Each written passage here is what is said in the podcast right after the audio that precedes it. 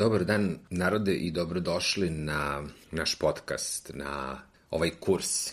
Ne znam kako ćete ga vi već uh, nazvati. Moje ime je Mihajlo Kutarac. Pre izvesnog vremena, u stvari tačno 9. marta je izašla knjiga uh, mog tumačenja Patanđalijevih yoga sutri.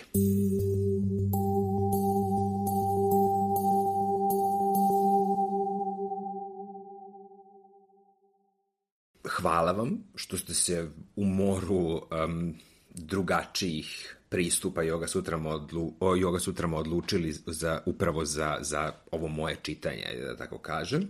Šta znam, ovde u ovom uvodu bih voleo da vam kažem nekoliko opštih stvari koje bi bilo pametno da zapamtite ili da ponesete sa sobom kada budete uh, čitali dalje sutra koje, se, koje budemo iščitavali i koje vam ja budem predstavljao deo po deo, odnosno jednu po jednu i nudio neko moje razumevanje svake pojedinačne sutre nakon toga.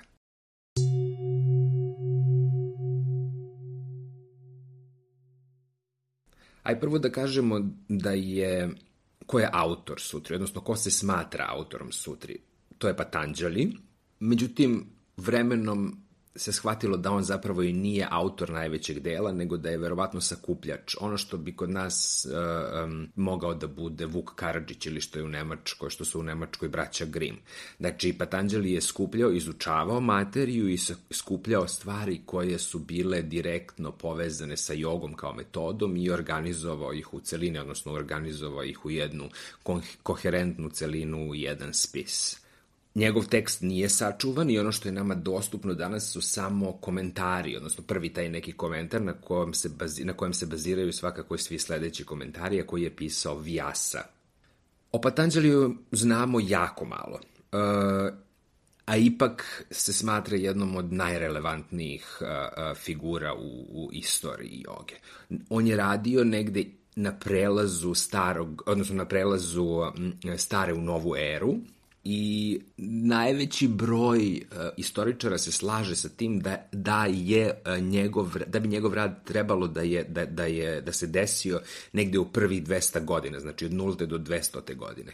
Ima onih koji se koji kažu da je moguće i da je od minus 200. do 0. a ima i onih koji kažu da je od negde između minus 200. i 400. godine, e, minus 200, odnosno 200. godine pre nove ere i 400. godine nove ere. Mislim, to je 600 godina i to je veoma um, dugačak period, ali šta da vam radim, prosto u to vreme je um, ne samo u tom, uh, na indijskom kontinentu, nego uh, generalno imamo problema da lociramo literaturu u, određeno, uh, u određenom vremenu koje dolazi iz tog perioda, o ranijim periodima i da ne govorim. Znači uvek moramo da radimo sa pretpostavkama, da ironija bude veća, odnosno da, da još dodatno zakomplikujemo celu ovu situaciju oko Patanđelija, mi zapravo ne znamo ni da li je Patanđeli bio samo jedna osoba ili više njih. To je takođe jedna stvar oko koje se e, puno istoričara um, joge kao i generalno puno istoričara, ne samo istoričara joge, filozofije joge, se tako reći svađa na temu da li je Patanđali bio jedna osoba ili je bio više njih, jer postoji Patanđali koji se bavio gramatikom sanskritskog jezika, postoji Patanđali koji se bavio filozofijom joge, postoji takođe Patanđali koji se bavio ajurvedom, odnosno medicinskim spisama, spisima um, tog vremena. U indijskoj mitologiji on se čak smatra i nekom vrstom svetog bića, nekog vrst, nekog vrst, nekom vrstom anđela ili šta ja znam. Um, ne, ja ne želim, niti mogu da ga smatram tom, uh, tim nekakvim nadnaravnim bićem. Um, mislim da je on bio učenjak, filozof, ispred svog vremena koji prosto je ponudio svetu jednu odličnu sistematizaciju e, filozofije joge. I to je njegova zasluga, nema potrebe da mi dodatno sad tu nešto zamućujemo i da pričamo o, ne znam ti, nija njemu sa nekom, e, o, o, kao nekoj himeri, pola čovek, pola zmija sa nekom glavom iz koje, mislim, to su stvarno besmislice i to je kao i svaka mitologija e, osmišljena tako da se lakše zapamti, kao i svaka lepa priča koja treba da ima pouku, pa nam onda oni ispričaju kako je neki karakter bio ovakav ili onakav i onda mi to lakše zapamtimo.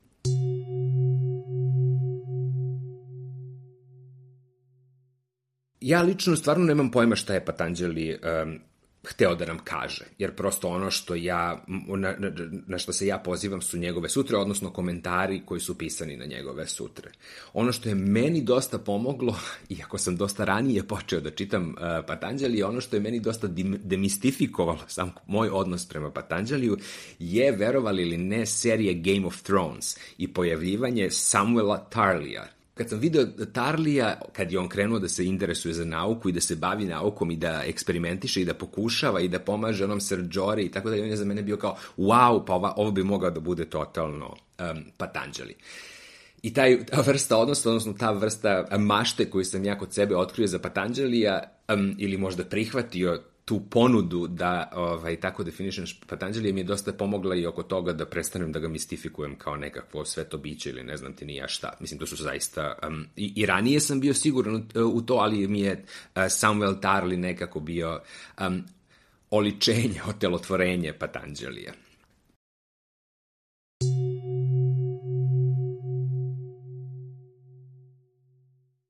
Sa tim u vezi, ono što ja nudim u ovom, uh, uh, u ovom podcastu, odnosno u ovom kursu, je jedno sekularno i minimalističko čitanje. Jednostavno iz razloga što, da, da, da ne bi vi morali da na konto jedne yoga sutre, ne znam ti ni ja, čit, slušate mene kako pričam ovde dva sata i učitavam razna tumačenja. Dakle, potrudio sam se zaista da... Um, da redukujem nekakva dodatna učitavanja. Objašnjavam onako kako sam ja shvatio, bez mnogo kićenja. Zašto je to tako? Pa zato što se uh, oslanjam na vašu moć tumačenja. Jednostavno, neko će da kaže da je ovo što ja radim trivializacija yoga sutri moguće, te nudim moje tumačenje koje je dosta savremeno, koje je dosta minimalističko, koje je sekularno, a vi ćete odlučiti da li je to vaš put ili nije vaš put. Ono što svakako bih preporučio da ne radite je da čitate Ajengarov. Prevod je loš, mnogo ima dopisanih prideva i glagola i jednostavno je prevod loš.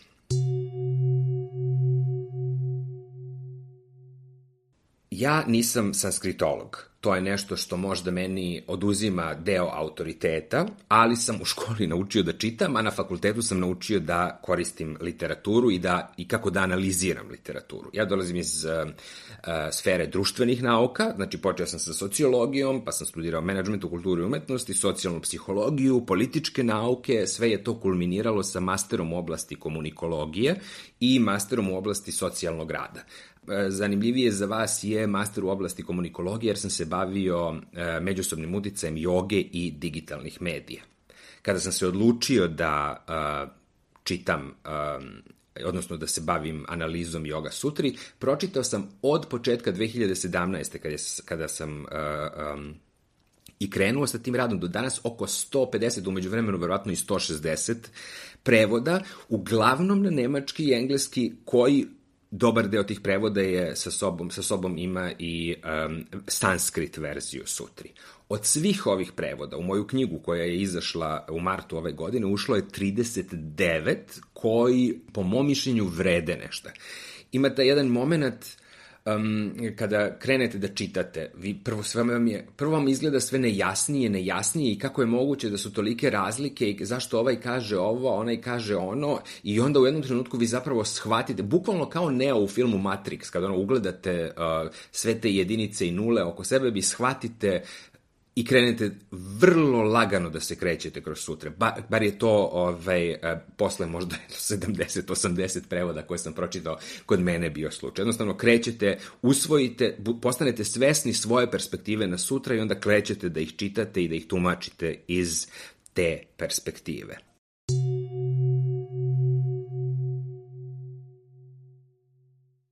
Ono što ćemo u toku ovog kursa imati, to su te neke dve vrste uh, teksta, kad kažem tekst, mislim na, čak i, mislim i na ovo što ja čitam, ne samo napisani tekst, znači u jednom delu ja ću uvek izgovoriti uh, prevod Yoga Sutra, onda ću ponuditi jedno kratko tumačenje u zavisnosti od toga koliko je sutra važna, po mom mišljenju toliko ću joj i vremena ovaj, um, posvetiti.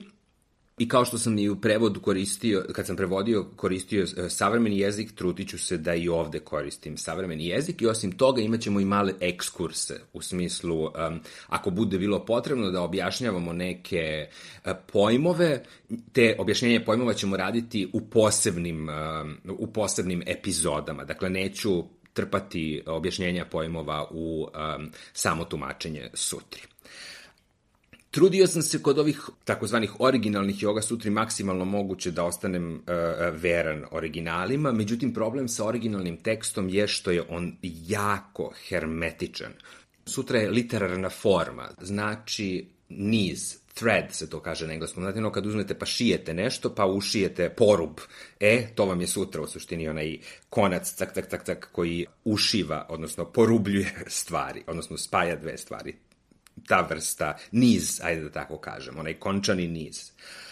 Takođe, važno za zapamtiti, u vreme kada su sutre pisane, jako mali ljudi je bilo pismeno i pamtile su se u krugovima sveštenih lica onomad koji su bili naravno dosta privilegovani. Samim tim, treba uvek da zadržimo u glavi da sutra nisu komponovane za običan svet, nego za već za privilegovanu neku kastu koja je naravno pripadao i Patanđali. Još jedan problem koji bih, uh, uh, na koji bih ukazao, to je izvlačenje sutri iz konteksta. Zato je i toliki naglasak, naglasak stavljen na tih osam aspekata joge koji se u narodu iz kog god razloga naziva os, uh, krakovima joge, važne su, uopšte nije sporno da je osam aspekata joge kao takav važan deo teksta, ali daleko je od toga da je um, jedini i najvažniji deo teksta. Znači, ima puno stvari koje dolaze pre toga i puno stvari koje dolaze posle toga koje su, ako ne važnije, a ono bar podjednako važne, kao naravno i onih koji nisu um, toliko važne.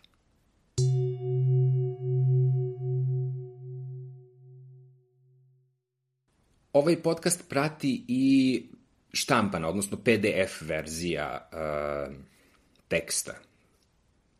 Ko želi, može da ištampa. Ko želi da kupi knjigu, ja ću se naravno radovati. Nalazi se na mojoj stranici mihajlokotarac.com. Uh, link, odnosno objašnjenje kako to možete da uradite. Jednostavno pišite na mihajlokotarac.gmail.com i e, ne, knjiga će vam biti poslata. Ja živim i radim u Berlinu, knjige su u Srbiji, dakle neko će vam poslati, a možda će biti čak i moja mama, neko će vam poslati e, knjigu ukoliko se odlučite da je kupite. Hvala na tome već unapred.